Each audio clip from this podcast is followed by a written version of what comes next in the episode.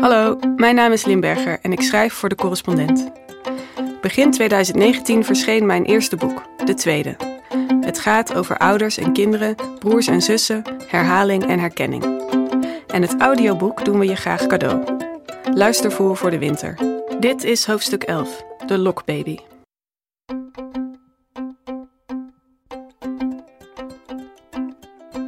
In mijn poging om het tweede kind en de tweede keer beter te begrijpen, keek ik tot nu toe vooral naar de invloeden en ontwikkelingen binnen het gezin. In dit laatste hoofdstuk richt ik mijn blik op de wereld daarbuiten. Want wat bepaalt of we kinderen krijgen en hoeveel? Hoofdstuk 11. De lokbaby. Over of we kinderen krijgen en hoeveel. In de zomer dat mijn zoon twee jaar wordt, gaan we op vakantie naar Italië. We vertrekken op een broeierige ochtend, tijdens een hittegolf waar maar geen eind aan lijkt te komen. Het is nog donker en in de halfschemer klinken alle geluiden, dichtslaande portieren, het vastklikken van gordels, voller en intenser dan normaal. We gaan er alle vier zachter van praten. De kinderen zitten op de achterbank, een tas proviant tussen hen in, allebei met een duim in hun mond. Onderweg wijst mijn zoon windmolens aan en hijskranen en elektriciteitsmasten. Het onderscheid kent hij nog maar sinds kort. Voorheen zag hij in alle grote structuren een molen en hij begroette ze enthousiast als een soort omgekeerde Don Quixote.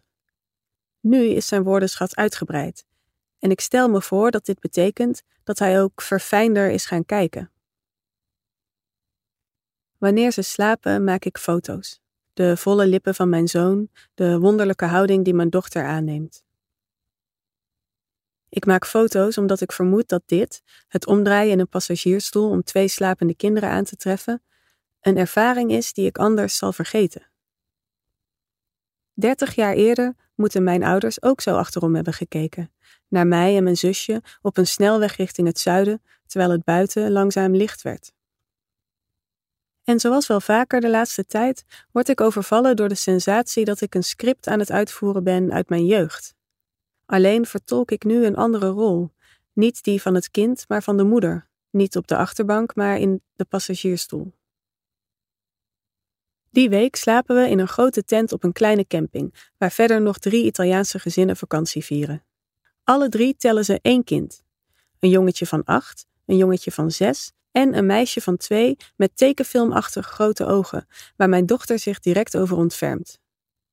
Vergeleken bij die bescheiden, wendbare Italiaanse eenheden voelt onze roedel van vier fors en druk en lawaaierig. Op de volgende camping is het een ander verhaal.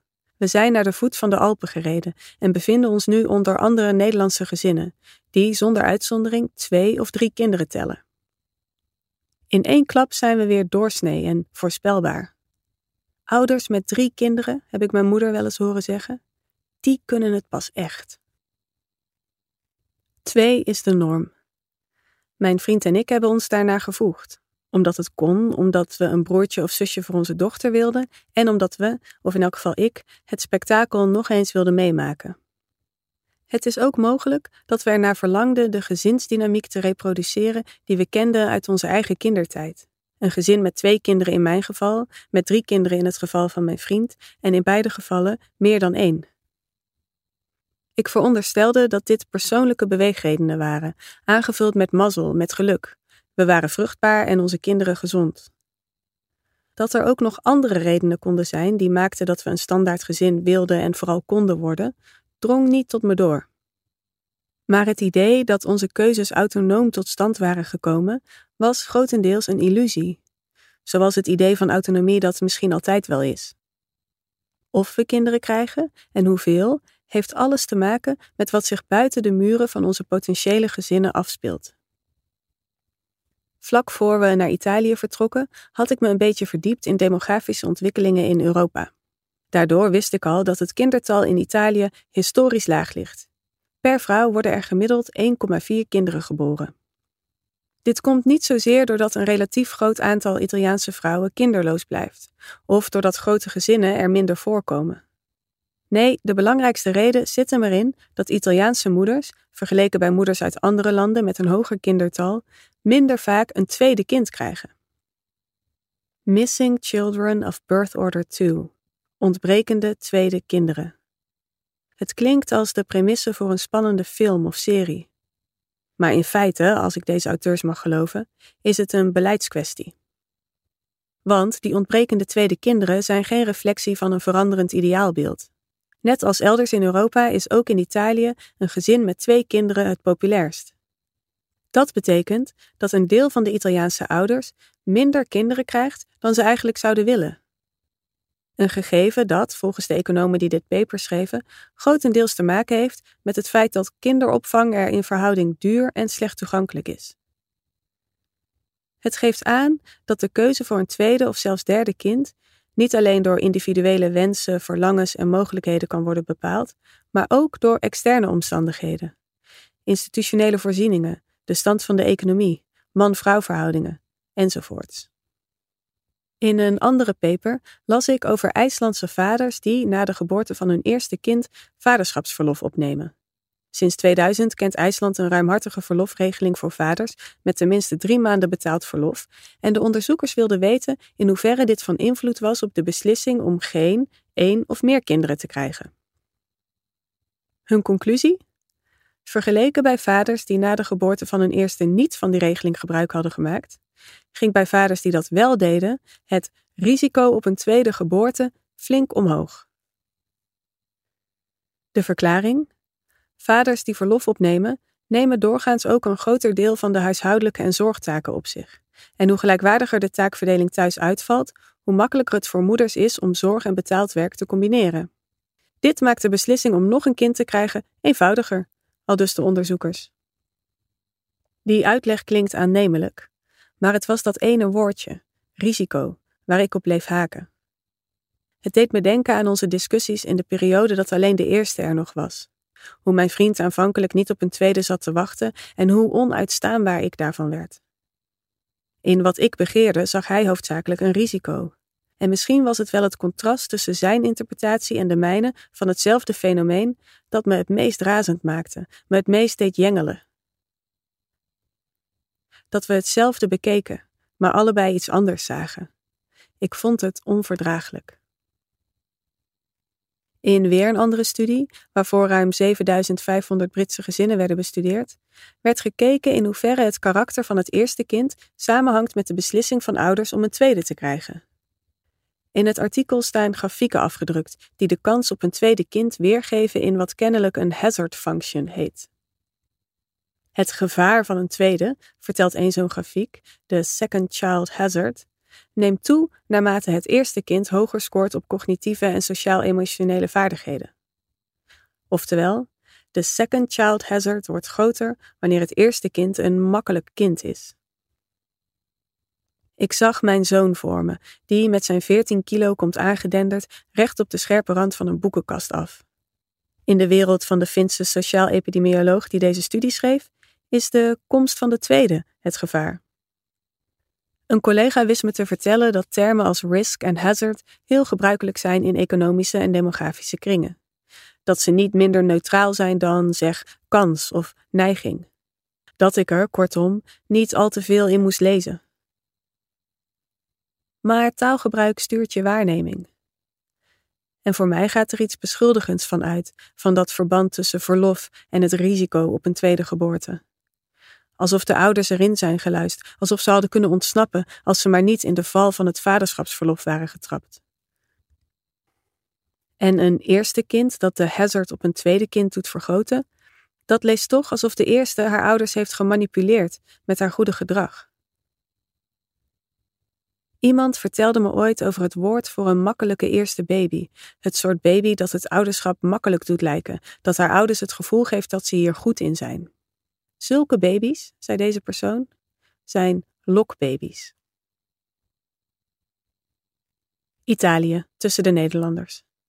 Mijn dochter vraagt of er nog een baby komt, een derde. We zitten in de tent en net zoals elke ochtend smeer ik mijn kinderen in met zonnebrand. De oudste ondergaat het gelaten, de jongste spartelt tegen. Nog een baby? vraag ik. Bedoel je nog een broertje of zusje erbij? Mijn dochter knikt. Ik vraag haar waarom ze dat zou willen.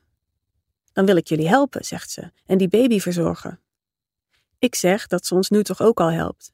Maar, zegt ze, ze wil moeilijkere dingen doen.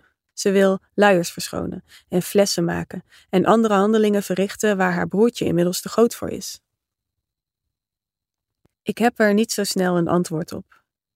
Het antwoord op de vraag waarom je kinderen zou willen is al ingewikkeld genoeg. Het antwoord op de vraag hoe je zover komt om ze ook daadwerkelijk te krijgen is nog vele malen complexer. De beweegredenen om een tweede te krijgen zijn minder autonoom ingegeven dan ik dacht. Het verlangen naar een baby, nieuwsgierigheid naar het ouderschap en de wens je eerste kind een broer of zus te geven spelen allemaal mee. En dan moet het lichamelijk allemaal ook nog een beetje meezitten. Maar dat geldt dus ook voor de stand van de economie, baanzekerheid, voorzieningen zoals vaderschapsverlof en subsidie voor de crash. En voor vooroordelen over enig kinderen en een al dan niet makkelijk eerste kind, een lokbaby. Maar dat geldt dus ook voor de stand van de economie, voor baanzekerheid, voor voorzieningen zoals vaderschapsverlof en subsidie voor de crash, en voor vooroordelen over enig kinderen en een al dan niet makkelijk eerste kind, een lokbaby. Het zijn factoren die, bewust en onbewust, een aandeel hebben in de manier waarop we ons voortplanten. Die factoren maken keuzes mogelijk of sluiten ze juist uit, suggereren opties, verhullen andere. En dan is er natuurlijk nog die andere factor, één die ik in de onderzoeken naar IJslandse vaders en Italiaanse moeders niet ben tegengekomen, maar waar de ouders in mijn omgeving het juist steeds vaker over hebben. Het is een factor die het fundamenteelst is, maar ook het lastigste om rekening mee te houden wanneer je nadenkt over het krijgen van een eerste, een tweede of een derde kind. Al weken voor onze vakantie was dagelijks in de krant te lezen dat extreem hete zomers, zoals deze, in de toekomst meer en meer zullen voorkomen. De oorzaak van de wereldwijde opwarming, waar extreme hitte onderdeel van is, is de mens. Als we op de huidige voet doorgaan, zullen de generaties na ons te kampen krijgen met extreme weersomstandigheden en grondstoftekorten. En ze zullen, in de waarschuwende woorden van filosoof Sarah Conley, levens hebben die zwaar inferieur zijn aan die van ons, als ze überhaupt zullen leven. En terwijl het kindertal in rijke geïndustrialiseerde landen de afgelopen decennia is afgenomen, groeit de wereldbevolking vrolijk door. In veel landen krijgen moeders nog altijd meer dan twee kinderen. De zomer dat wij in Italië zijn, staat de teller van de wereldbevolking op 7,6 miljard en worden er voor elke vrouw ter wereld 2,4 kinderen geboren.